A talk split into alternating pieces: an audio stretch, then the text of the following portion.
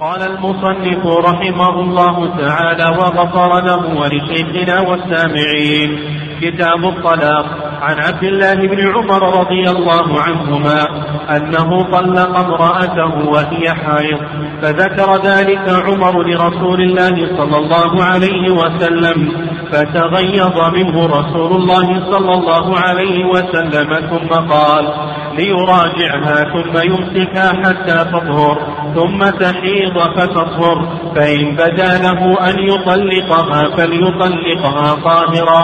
قبل أن يمسها فتلك العدة كما أمر الله عز وجل. وفي لفظ حتى تحيض حيضة أخرى مستقبلة سوى حيضتها التي طلقها فيها. وفي لفظ فحسبت من طلاقها وراجعها عبد الله كما أمره رسول الله صلى الله عليه وسلم. عن فاطمة بنت قيس أن أبا عمرو بن حفص طلقها البتة وهو غائب وفي رواية طلقها ثلاثا فأرسل إليها وكيله بشعير فسخطت فقال والله ما لك علينا من شيء فجاءت رسول الله صلى الله عليه وسلم فذكرت ذلك له. فقال ليس لك عليه نفقة وفي لفظ ولا سكنى. فأمرها أن تعتد في بيت أم شريك. ثم قال تلك امرأة يخشاها أصحابي اعتدي عند ابن أم مكتوم فإنه رجل أعمى تضعين ثيابك تضعين ثيابك فإذا حللت فآذنيني. قالت فلما حللت ذكرت له أن معاوية أن معاوية بن أبي سفيان وأبا جهم خطباني فقال رسول الله صلى الله عليه وسلم أما أبو جهم فلا يضع عصاه من عاتقه وأما معاوية فصعلوك لا مال له. انكشي أسامة بن زيد فكرهته. ثم قال انكشي أسامة بن زيد فنكحته فجعل الله فيه خيرا واختبطت به. الرحيم.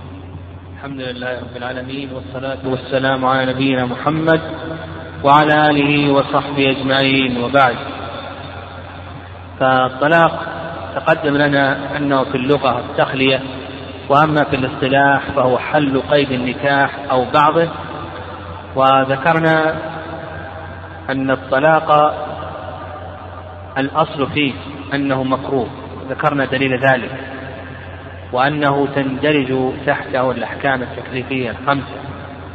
فيجب يعني يجب الطلاق إذا تركت المرأة عفة أو تركت صلاة أو تتضرر ببقائها مع الزوج. يجب عليه أن يطلقها على الصحيح. مثل أيضا الطلاق للإيلة يجب. ويحرم للبدعة. كما طلقها طلاق بدعة. ويكره هذا هو الأصل. ويباح عند الحاجة. يباح ويستحب. نعم الاستحباب ذكر العلماء رحمهم الله قالوا في حال تضررها حال يحوجها ذلك إلى الخلع. والصواب أن أنه لا يجب. لكن بعض الفقهاء جعلوه من المستحب.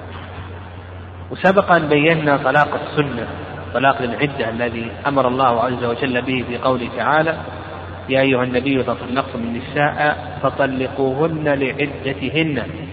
أن الطلاق للعدة مشتمل على أربع صفات.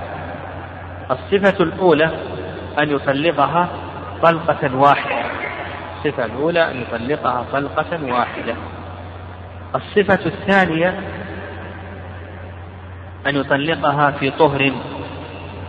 ليست حائضا الصفة الثالثة أن يطلق في طهر لم يجامع فيه. الصفة الرابعة ألا يتبعها طلقة حتى تنتهي عدتها. يعني أن يتركها إذا طلقها يتركها حتى تنتهي العدة. نعم. قال المؤلف رحمه الله تعالى عن عبد الله بن عمر رضي الله عنهما أنه طلق امرأته وهي حائض فذكر ذلك عمر لرسول الله صلى الله عليه وسلم فتغيظ منه يعني غضب النبي صلى الله عليه وسلم وهذا يدل على أن طلاق الحائض أنه محرم ولا يجوز. يعني كون النبي صلى الله عليه وسلم غضب هذا يدل على أنه محرم ولا يجوز. قال المؤلف قال ثم قال نعم. قال فتغيظ منه صلى الله عليه وسلم ثم قال ليراجعها. ليراجعها. هذا مما استدل به الجمهور على أن طلاق الحائض يقع. عندنا حكمان. حكم تكليفي وهو التحريم لا إشكال أنه محرم. بالإجماع أنه محرم لأن النبي صلى الله عليه وسلم غضب تغير وهذا يدل على أنه فعل معصية. بقينا في الحكم الوضعي. هل يقع الطلاق أو نقول بأن الطلاق لا يقع؟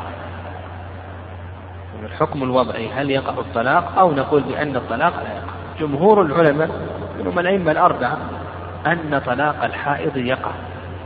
واستدلوا بهذا الحديث.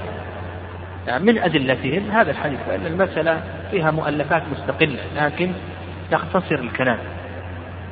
قوله ليراجعها أمره بالمراجعة. هذا يدل على أن الطلاق واقع وإلا لم يأمر النبي صلى الله عليه وسلم بالمراجعة. وأيضا قوله في آخر الحديث قال وفي لفظ فحسبت من طلاق. فحسبت قوله فحسبت هذا يدل على وقوع الطلاق. وورد أيضا عن ابن عمر رضي الله تعالى عنهما.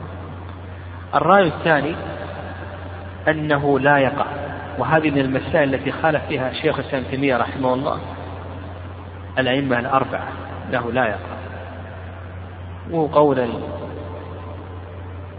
الخوارج والمعتزلة والظاهرية. ولهذا قال ابن عبد البر رحمه الله لم يقل بهذا إلا أهل البدع. فالرأي الثاني أنه لا يقع.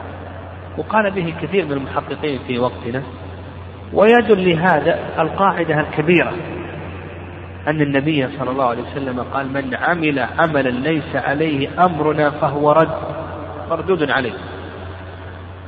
وما دام أن هذا عمل ليس عليه أمر الله ولا أمر رسوله صلى الله عليه وسلم فهو رد مردود. وأما قوله في الحديث ليراجعها. ذكر ابن القيم رحمه الله. يعني ذكر ابن القيم أن المراجعة في لسان الشارع أعم منها في لسان الفقهاء. الفقهاء يحملون المراجعة على ماذا؟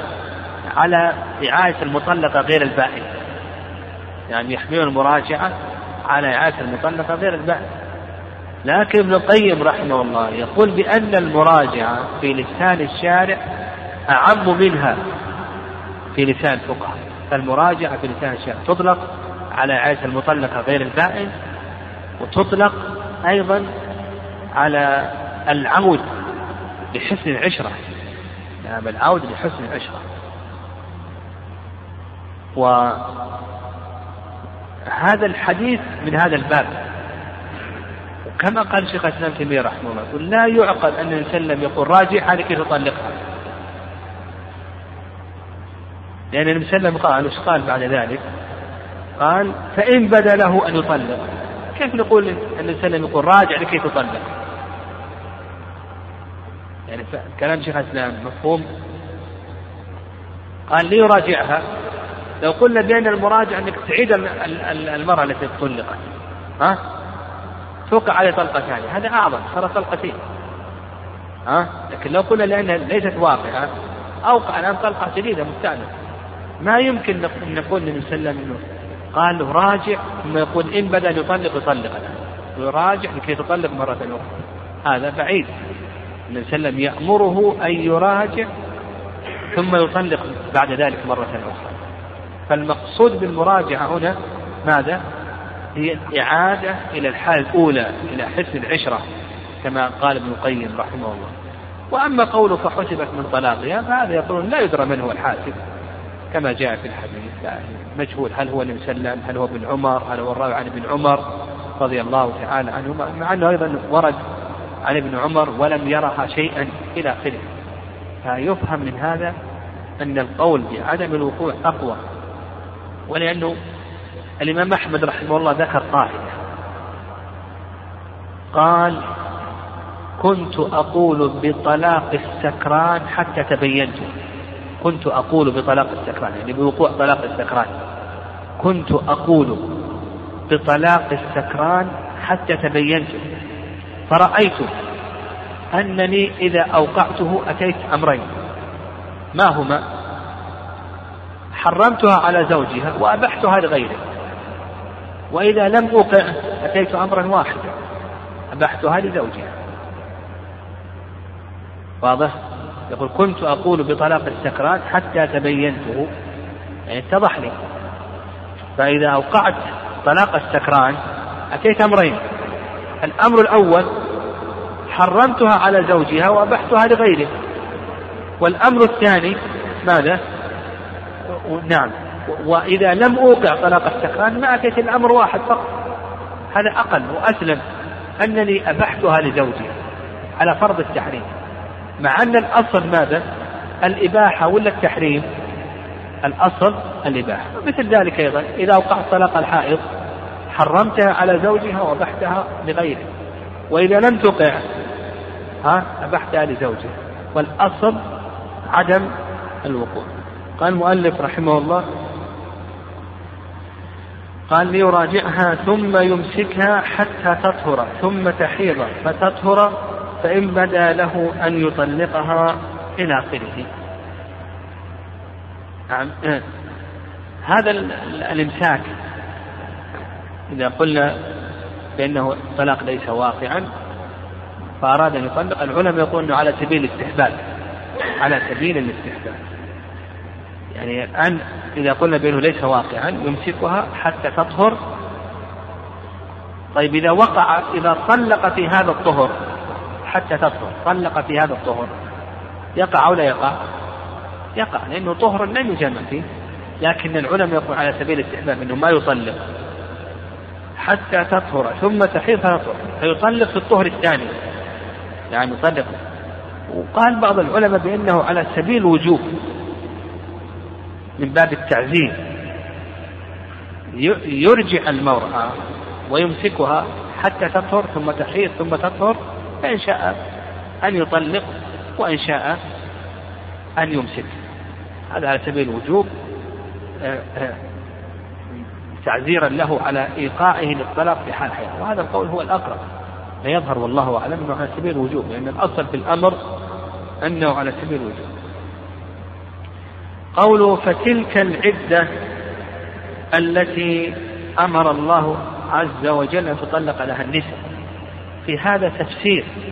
يعني في هذا الحديث تفسير لقوله عز وجل يا أيها النبي إذا طلقتم النساء فطلقوهن لعدتهن. يعني فطلقوهن لعدتهن. وأن الطلاق للعدة كما تقدم هو طلاق السنة وهو ما جمع أربع صفات. قال قال وفي لفظ حتى تحيض حيضة أخرى مستقبلة سوى حيضتها التي طلقها في وفي لفظ فحسبت من طلاقها ورجاء عبد الله كما أمره رسول الله صلى الله عليه وسلم.